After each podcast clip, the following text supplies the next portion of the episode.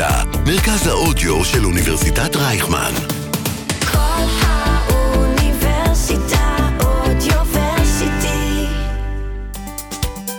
מסביב לעולם ב-40 דקות. מסע פוליטי בין מדינות ותרבויות. עם יוסי מצרי. שלום לכולם, וברוכים הבאים לפרק נוסף של מסביב לעולם ב-40 דקות, כאן בכל האוניברסיטה. המלחמה ברצועת עזה מגיעה לשלביה האחרונים, כשהדיון על כניסה קרקעית לעיר רפיח מעורר הדים ברחבי המזרח התיכון, ובעיקר אצל השכנה מצרים. בפרק זה נבין את חשיבותה של מצרים בנושא יחד עם דוקטור מיכאל ברק. דוקטור ברק הוא חוקר בכיר במכון הבינלאומי למדיניות נגד טרור, מרצה בבית הספר לממשל, דיפלומטיה ואסטרטגיה באוניברסיטת רייכמן. בנוסף, דוקטור ברק הוא חוקר מצרים במרכז משה דיין לחקר המזרח התיכון באוניברסיטת תל אביב, ובין תחומי המחקר שלו אפשר למצוא את האסלאם הפונדומנטליסטי כגון אל-קאעידה ודאעש, הטליבן, האחים המוסלמים, חמאס, תנועות סלאפיות, מצרים ורשתות חברתיות בעולם הערבי. שלום דוקטור ברק ותודה רבה שהצטרפת. שלום למאזינים ושלום לך, יוסי. איזה כיף שבאת. אז אני רוצה רק, לפני שאנחנו צוללים לעומק, להתחיל רגע מה, מהבסיס של מצרים. אה, משטר שעל פניו הוא חילוני, הנשיא המכהן, עבד אל פתאח א-סיסי, היה שר ההגנה, נדמה לי, של מוחמד מורסי, הנשיא הנבחר אחרי האביב הערבי, אה, מטעם האחים המוסלמים. עשה לו הפיכה, החזיר את שלטון הצבא, מה שהיה לפני עם אה, מובארק, אה, אני יודע מי עוד היה שם. מה, מה קורה שם? איך השלטון נראה?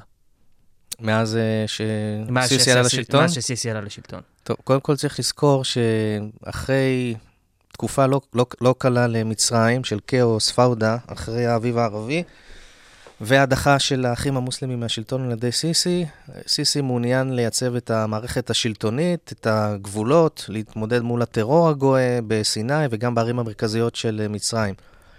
כחלק מזה, כדי להתמודד מול זה, אז הוא מתקן את החוקה. אה, בהתחלה, החוקה של 2014 הקציבה שתי קדנציות לנשיא מצרים, של תקופה של ארבע שנים. ב-2019 התחיל תהליך אה, של חקיקה לתיקון החוקה, שכבר עבר, התקבל ברוב בפרלמנט המצרי, שמקנה אך ורק לסיסי אה, להמשיך לכהן בשתי קדנציות נוספות, והפעם לא רק לארבע שנים, אלא לשש שנים. כלומר, מתי סיסי אמור לסיים את הכהונה שלו? בערך בשנת 2035, אם זה אני עושה חשבון נכון. אז אה, זה כמובן לבצר את מעמדו של סיסי. אה, עכשיו, גם במסגרת התיקון לחוקה, גם, גם בפרלמנט, אה, אני עכשיו לא אכנס יותר מדי לפרטים כדי לא להעלות את המאזינים, אבל חידשו את הבית העליון. הפרלמנט המצרי מורכב משני בתים, בית עליון, בית תחתון. בבית העליון, סיסי דאג, זה גם בחוקה החדשה, זה מעוגן, שסיסי הוא למעשה רשאי למנות באופן ישיר 30 אחוז מהצירים של הבית העליון. בערך, אה, בוא נגיד 30 אחוז מ-250 איש. זה די הרבה. כלומר, אנשי שלומו של סיסי אה, יושבים בפרלמנט ומקדמים את החוקים שלו. כלומר, יש לנו פה למעשה שלטון אוטוריטי, אוטור, אוטוריטרי במצרים, סמכותני, שלמעשה מתעטה באצטלה דמוקרטית, תראה, יש בחירות. אה, אבל... היה לא מזמן, נכון? כן, לא היה, כן, בדצמבר 2023 היו בחירות, סיסי ניצח ברוב גדול, נדמה לי 89 אחוז, ויש פה הצטלה דמוקרטית, נותנים לאזרח הפשוט תחושה כאילו הוא שותף להליך אה, דמוקרטי, אבל, ת- אבל תכלס זה אה, כבר הכל ידוע מראש, סיסי הוא, הוא האוטור, האוטוריטה, אה, וכן, אני יכול להמשיך לפתח את זה בהמשך. איך היית מתייחס ליחסים, או מגדיר את היחסים, יותר נכון, בין דת לשלטון במצרים? כי ממה שאני רואה, לפחות רשתות חברתיות, או כל מיני סרטונים כאלה ואחרים, העם נראה די הדוק, אבל השלטון נראה קצת... כן, תלוי, איפה אתה גולש. ה- תראה, העם המצרי, עוד פעם, אין לנו משאל, כאילו, מהימן, מהתקופה האחרונה, שיכול כאילו לשפוך לנו איזה אור, איך, ה, כאילו, פלחים מסוימים מהאוכלוסייה המצרית, מה, מה ה, מידת האדיקות שלהם. אבל אה, אני יכול להגיד לך שסיסי עצמו, למ- למרות שהוא, כאילו, אה, אה, סיסי עצמו הוא מאמין. הוא לא, גם הרבה חבר'ה באליטה המצרית הם מאמינים. כלומר, קשורים למסורת ה... אסלאמית, אבל, זה, אבל, אבל הם שמים קו מאוד מפריד בין, בין האסלאם לשלטון. כלומר, כדי, זה גם מה- ממהפכת הקצינים החופשיים ב-1952, שגמל עבד אל-נאצר עולה לשלטון, כלומר, יש הפרדה בין דת למדינה, אבל uh, זה לא אומר שהם לא אדוקים. כלומר, עוד פעם, צריך לעשות הבחנה, יש כל מיני הגדרות, אני לא אכנס לזה. יש לך נגיד uh, איסלאמיסטים, כמו נגיד uh, חיזב אל-נור, מפלגת אל-נור, המפלגה של, הס... המפלגה של הסלאפים, אחד ה- ה- הבולטות uh, במצרים, שלא מדברים עליהם הרבה בתקשורת, והם די חזקים, יש להם גם כמה מושבים בפרלמנט המצרי.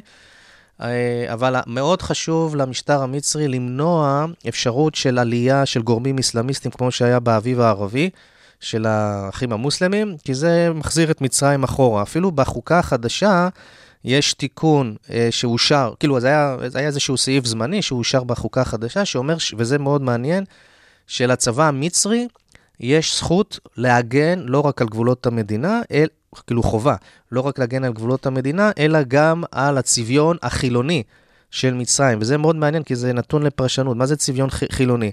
עכשיו, אני הייתי נזהר מההגדרה הזאת, אני הייתי יותר אומר שהאליטה המצרית ששולטת במצרים, אה, יותר, אה, וגם אה, גורמים שמאל וכולי, לא הייתי מגדיר אותם חילונים, אלא אנטי-אסלאמיסטים. כלומר, עומדים על המשמר, שומרי סף, מפני גורמים אסלאמיסטים חדר, חתרניים, דיסידנטים, אה, כמו האחים המוסלמים, אה, פעילים רדיקליים מגמה אסלאמיה, גם איזו קבוצה מיליטנטית שהייתה אחראית לטרור אה, בשנות ה-90, והיום היא עברה למפלגה, היום היא מכהנת כמפלגה פוליטית, אבל צריך לעשות, כאילו, לא הייתי נזהר עם המינוח הזה חילוני, יותר אנטי-אסלאמיסטי.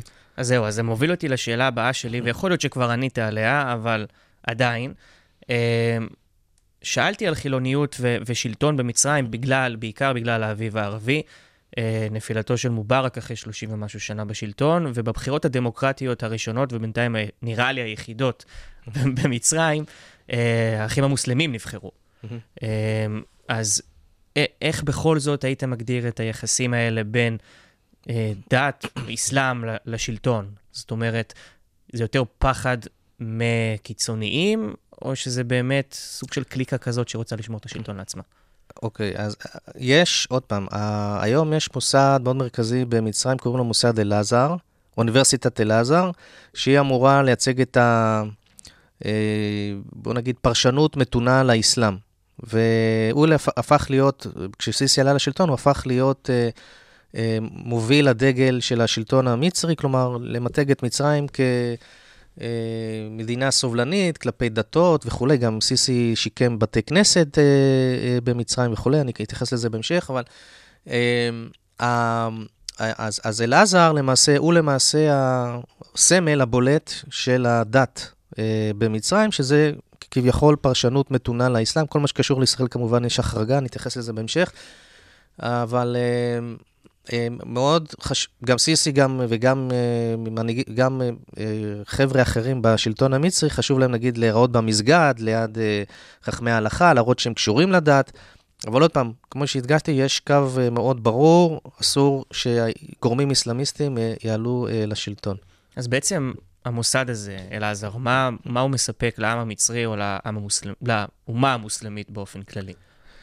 אז קודם כל הוא למעשה המצפן כביכול, הוא מנסה להיות המצפן של אה, העם המצרי, כלומר, וגם בכלל של המוסלמים ברחבי העולם, כלומר, אה, ללכת בדרך הנכונה של האסלאם, אה, לשמור על, כאילו הוא מטפח גם את הערכים של פטריוטיזם, נאמנות לשליט, כאילו לא במאה אחוז, אני... אבל... אה, וזה כמו אוניברסיטת הרווארד, בוא נגיד. זה כאילו, המוסד הזה הוקם ב... בהרווארד של המזרח התיכון. כן, הרווארד של המזרח התיכון. זה, האוניברסיטה הזאת הוקמה בסוף, למעשה זה מוסד שקיים מעל אלף שנה, היא הוקמה ב, במאה, סוף המאה התשיעית אה, לספירה, ועל ידי הפאטימים, איזו שושלת שיעית, עד שבא סלאח א-דין אל-איובי והעיפו את הפאטימים, והחזיר את אל-עזר ל... המיר את אל-עזר למוסד סוני, ומאז המוסד הזה הפך לאחד המוסדות היוקרתיים בעולם. בעידן של סיסי זה מאוד חשוב, בעידן של סיסי מ-2014, מוסד אל-עזר הפך להיות למעשה מעין אה, חיל חלוץ, או חוד החנית של המשטר המצרי, לפחות זה מה שסיסי תכנן, נגד אידיאולוגיות רדיקליות, כלומר, הובלת חזית רעיונית נגד אידיאולוגיות רדיקליות של דאעש. נזכור שבאותה תקופה, 2014, דאעש פורץ לבמה, ואל-אזהר מוביל חזית רעיונית נגד דאעש, אל-קאעידה והאחים המוסלמים שהמשטר המצרי הכריז עליהם כארגון טרור. עכשיו, מה זה הובלת חזית רעיונית? זה אומר counter narrative, הפצת נרטיב שהיא מנגד. אם דאעש אומר שמותר להרוג עכשיו נשים וילדים של האויב, אה, לא משנה, האויב בעיניו זה כל אחד שהוא לא דאעש, אז אלעזר אומר, לא, אסור להרוג ילדים ונשים, אה, זה מנוגד לאסלאם. עכשיו, גם אלעזר, ב-2014, הוא קיבל מנדט מסיסי. סיסי אמר לו, אתה עכשיו למעשה אמור להוביל חזית רעיונית נגד, אה, כאילו לטפח, לחזק את החוסן החברתי של החברה המצרית, ולצאת נגד האידיאולוגיות הר- הר- הרדיקליות הללו. ולמעשה מה שאלעזר עשה מאז 2014, הוא הפך בזכות המאמצים שלו להילחם נגד אה, פרשנויות ואידיאולוגיות אה, של ארגוני טרור וגם קבוצות אסלאמיות קיצוניות, הוא הפך להיות שחקן מחוזר ברחבי העולם. כלומר, אלעזר נתפס לא רק בעולם האסלאמי, אלא גם בעולם המערבי, אה, באירופה, בארצות הברית, כשחקן שחשוב, שאפשר לדבר איתו. שאפשר לדבר איתו, שיכול לקדם למעשה אג'נדה אנטי-אסלאמיסטית קיצונית, ואפילו אה, אל-אזהר, בראשותו של השייח' אחמד אל-טייב, הוא למעשה הצליח לשקם יחסים עם, אה, עם מוסד הוותיקן, היה ביניהם איזשהו אה, נתק לכמה שנים, אבל בזכות אה, לאחמד אל-טייב, האפיפיור ובנדיקטוס ואחמד אל-טייב אה, שיקמו את היחסים, אפילו חתמו באיחוד האמירויות, חתמו על מסמך מאוד חשוב, מסמך האחווה האנושית, שזה אומר אה, הפגנה וטיפוח סובלנות דתית במערכת החינוך וכולי. ב, אה, כאילו, סובלנות דתית כלפי מיעוטים וקבוצות אחרות, ולא משנה אם זה יהודים, נוצרים וכולי. היית מגדיר אבל את אלעזר ככלי פוליטי? זהו, עכשיו המשטר המצרי באמת, אה, שאלה טובה, המשטר המצרי באמת מנסה אה, לקבל לגיטימציה דתית דרך מוסד אלעזר. אז אם הוא עכשיו מחוקק איזשהו חוק בפרלמנט, אז הוא רוצה שאלעזר ייתן איזה גושפנקה. דוגמה בולטת זה של- השלום עם ישראל, עם אה, סאדאת, 1979. מוסד אלעזר נתן גושפנקה הלכתי, נתן, אמר פסק, נתן פסק הלכה שזה משרת את האינטרס, מס, מסלחה של, ה, אה, של העם המצרי, ולכן חשוב אה, לדבוק בזה. אבל לא לפעמים זה הולך לו למש, למשטר המצרי. כלומר, אה, אלעזר הוא לא עכשיו חותמת גומי אוטומטית על כל מה שהמשטר המצרי אה, אומר, ובגלל זה גם יש ביניהם חיכוכים. אני אתן דוגמה. אה, המשטר המצרי ביקש מאלעזר, סיסי ביקש מאלעזר, "ת- תן לי עכשיו פסק הלכה שדע שהוא ארגון טרור, שהוא כופר. אה, סליחה, שהוא ארגון כופר, לא אה, ארגון טרור. אז, אה, אז אלעזר אמר, לא, אני לא רוצה לתת עכשיו אה, כזה פסק הלכה, כי מבחינתי כל המוסלמים הם לא כופרים, פשוט הם טעו אה, בדרך, בדרכם, בדרך הפרשנות שלהם. בסופו של דבר, אחרי כמה שנים רק הוא נתן את הפסק הלכה שהוא כופר, דאעש, אבל יש הרבה חיכוכים בגלל זה. אה, כאילו, אני יכול להרחיב, אבל זה כאילו לפודקאסט אחר, אבל מה, ש, מה שחשוב, שאלעזר הפך לשחקן בולט במרחב, כאילו בכלל בזירה הבינלאומית, ו, ובגלל זה הוא נכנס, הוא הצליח לשים דריסת רגל בכל מיני מקומות שפעם לא הייתה לו דריסה, כמו באנגליה, לדוגמה. עכשיו, הדבר הזה הוא טוב, כאילו היה טוב, אבל מבחינת ישראל... אה, כמו חרב פיפיות כזה, אני בדיוק. למעשה, אני למעשה תליתי תקוות באלעזר, שסוף סוף אמרתי, יואו, יש פה איזה שחקן שסוף סוף, כאילו, העולם המוסלמי התעורר, מבין שיש לו פה סכנה מצד אידיאולוגיות רדיקליות, אבל מה שקשור לישראל, אלעזר מחריג. כלומר, אחרי השביעי לאוקטובר, לדוגמה, גם זה היה לפני זה, אבל אחרי השביעי לאוקטובר, אתה רואה בוסט רציני בשיח של אלעזר נגד ישראל. אלעזר אפילו הוציא פסק הלכה, ש...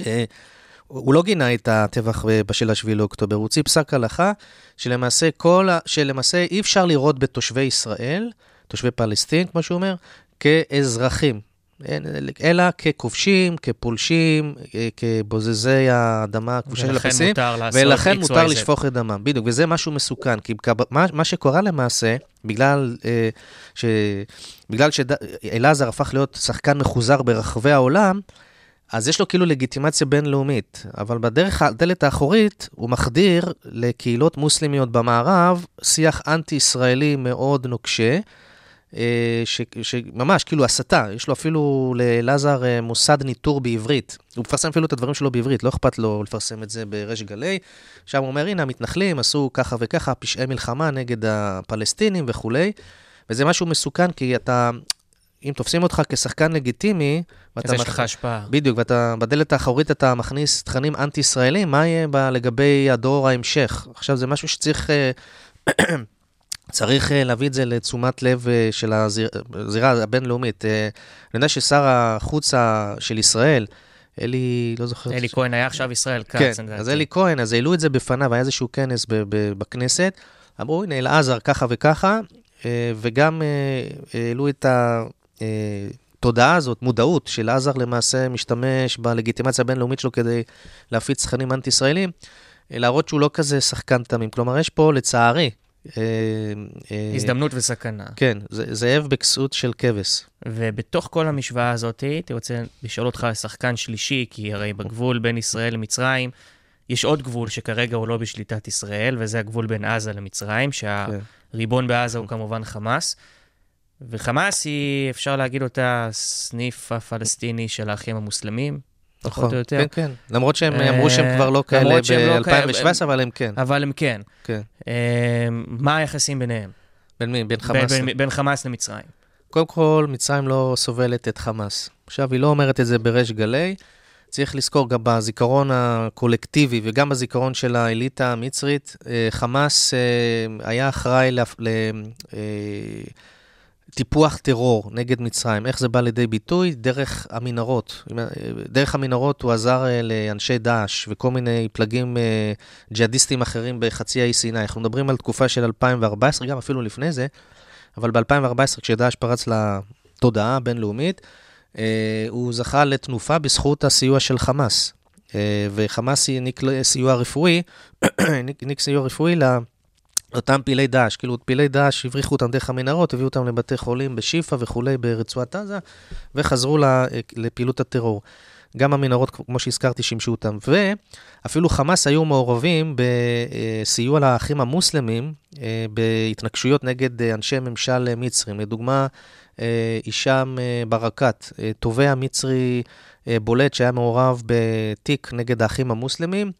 המצרים האשימו, עד היום הם זוכרים את זה, שהחמאס הייתה אה, אח- אחראית פשוט, כאילו בתכנון, ב- ב- יכול להיות גם בביצוע, אה, נגד, בהתנגשות הזאת, וזה נחרט להם בתודעה, אי אפשר לסמוך על חמאס. במיוחד גם כשיש לו קשרים גם לאיראן, המצרים מאוד חוששים מהאיראנים, למרות שעכשיו יש פלירטוט וכביכול התקרבות, קירוב לבבות עם האיראנים, אבל המצרים זוכרים את זה. אבל אה, בוא נגיד שמאוד חשוב למצרים, אה, הם לראות כאילו הם לא, גם לא בעד ישראל. בדיוק, כן, כן, נכון. והם הם, הם למעשה רואים בסוגיה הפלסטינית אה, כאיזשהו מנוף אה, לחזק את ה... או לחצוב את דרכם ל, לח, ל, לבכורה על העולם הערבי. כלומר, מצרים נקראת אום אל-דוניה, הם האימא של העולם הזה. וגם היא רואה את עצמה כאחות הבכירה בעולם הערבי. כלומר, דרך הסוגיה הפלסטינית, מצרים רוצה אה, לחזק את מעמדה וההגמוניה, ההשפעה שלה האזורית, ולכן היא לא רוצה עכשיו כאילו לגמרי להתנער מחמאס, כאילו אם היא מגנה את חמאס לפעמים, נגיד, נגיד בעסקת החטופים, או אה, במום, אה, אה, אבל היא, היא רואה את חמאס כחלק מהחברה הפלסטינית, היא לא יכולה עכשיו, לא רוצה להתנער עכשיו ממנו, כי... יהיו לזה השלכות בתוך העולם המוסלמי. כן, וגם יש עכשיו, יש גם לגיטימציה ואהדה ברחוב המצרי אה, כלפי אה, חמאס, אחרי 7 לאוקטובר, אז המשטר המצרי לא רוצה עכשיו שיהיה לו איזשהו כרסום בבסיס תמיכה העממי שלו. אז הוא מראה כביכול שהוא בעד אה, האוכלוסייה הפלסטינית בעזה ודואג לה, אבל ב-state of mind, כאילו, הוא זוכר את מה שחמאס עשה, שאי אפשר, אפשר לסמוך על חמאס, אבל הוא שחקן שאי אפשר אה, להתעלם ממנו. והקשר עם ה... בין חמאס לתנועת האחים המוסלמים, וה... אתה יודע, בסופו של דבר, סיסי עשה הפיכה צבאית נגד נשיא נבחר מטעם האחים המוסלמים. אין איזשהו קשר, אין איזשהו מתח בתוך כל הדבר הזה? של, של מה? סליחה? של בין ה... הרי חמאס היא תנועת בת, תנועת אחות של האחים המוסלמים.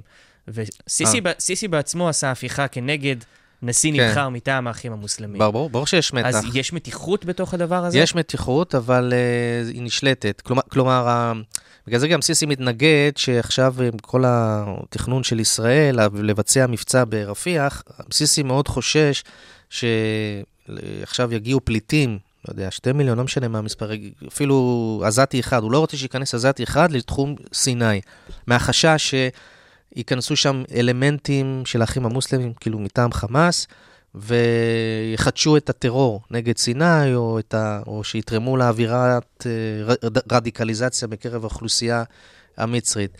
אז כן יש את המתיחות הזאת, מצרים אה, ממש כאילו, בוא נגיד, רואה את זה כפגיעה בביטחון הלאומי שלה, את האפשרות שהגיעו פליטים עזתים לשטח אה, סיני. וצריך לזכור גם שלקח זמן, הרבה זמן, לצבא המצרי לתאר, לא 100%, אבל לתאר את רוב סיני, בעיקר את צפון סיני, עם הנוכחות של אה, דאעש, ולפגוע בבסיס תמיכה העממי שלהם בקרב הבדואים, כאילו, אותם בדואים שתמכו בדאעש, אה, כבר לא, אין, אין, אין כבר כמעט את התמיכה הזאת, עדיין יש את האלמנטים של דאעש, אפילו גם אל-קאעידה בסיני, אז סיסי מאוד פוחד שעכשיו יהיה בוסט לטרור אה, בסיני בגלל זה.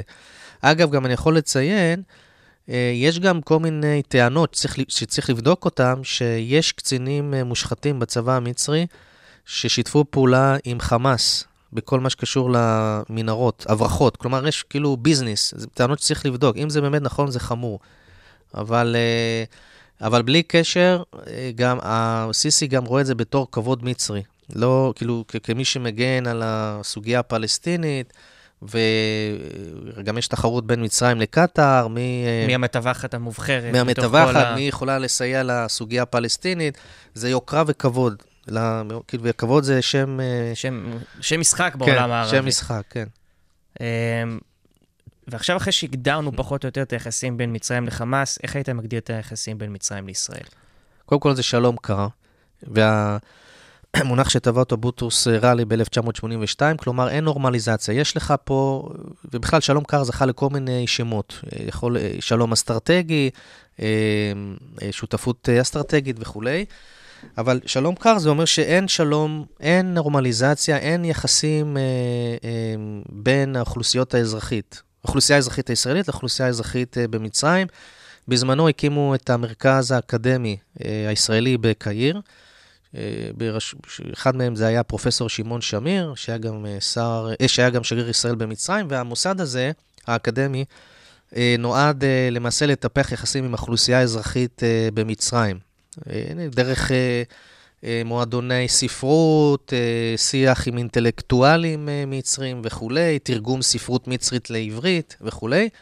היום המוסד הזה כמעט בקושי מתפקד, אה, ובגלל שהמשטר המצרי מצר את הצעדי נורמליזציה, הוא לא מעוניין, כי הוא מפחד, אחת הסיבות שיש הצהרה של הנורמליזציה עם ישראל זה כי מצרים חוששת שעכשיו ישראל, אם היא תהיה נורמליזציה, ישראל תהפוך להיות כוח הגמוני אה, באזור.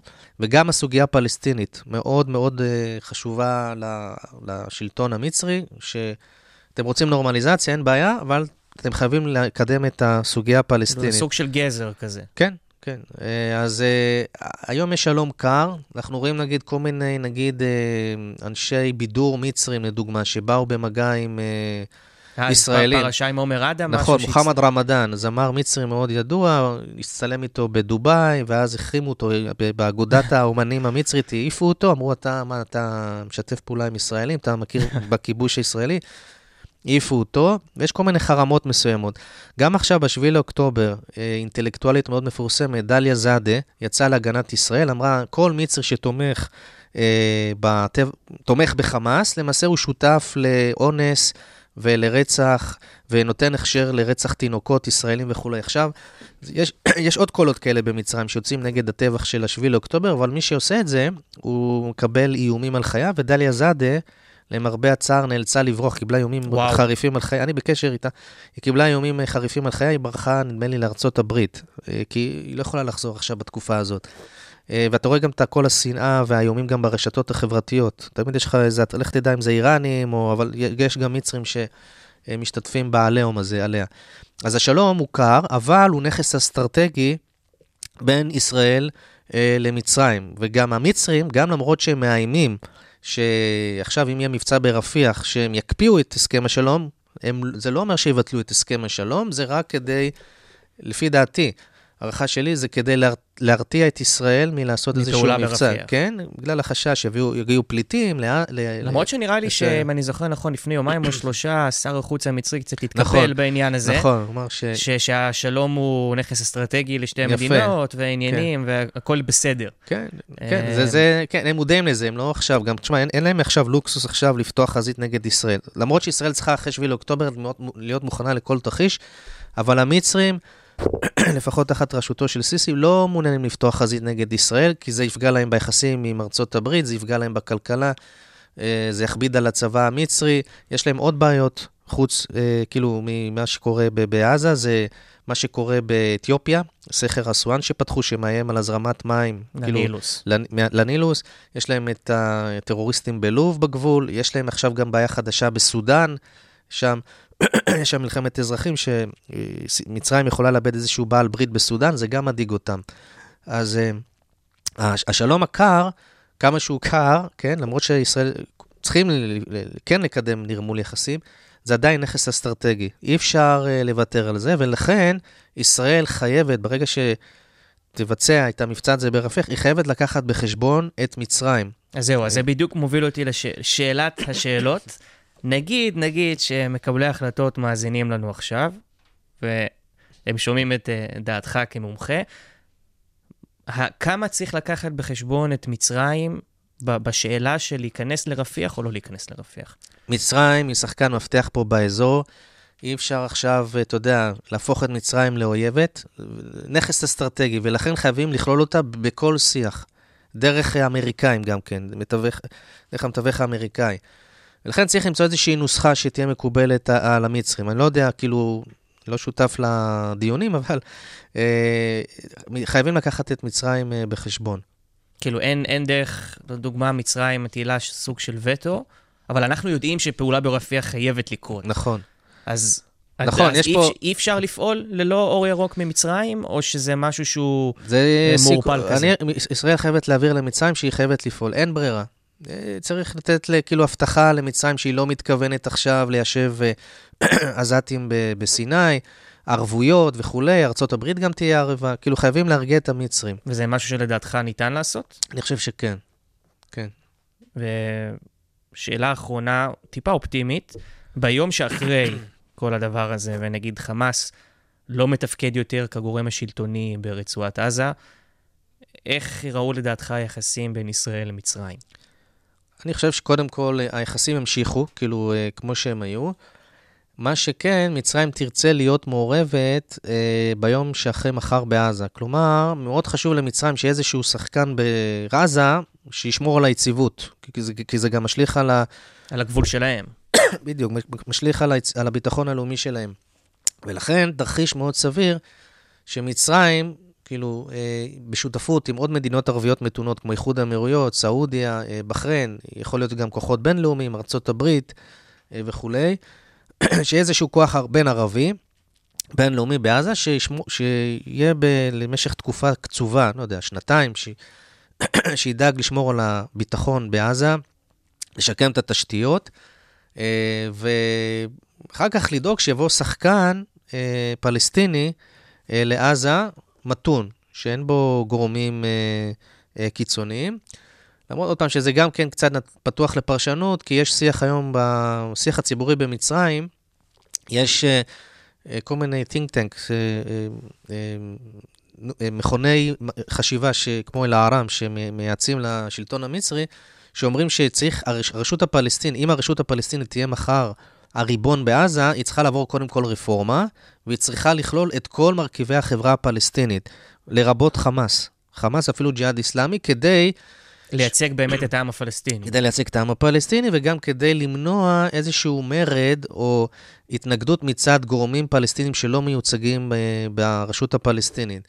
עכשיו, זה די, די מדאיג, כי אנחנו, כאילו, אנחנו לא, ישראל לא רוצה עכשיו שיהיה לך שחקן פלסטיני בעזה, כשחמאס היא חלק ממנה. כלומר, מה, מה הטעם בזה?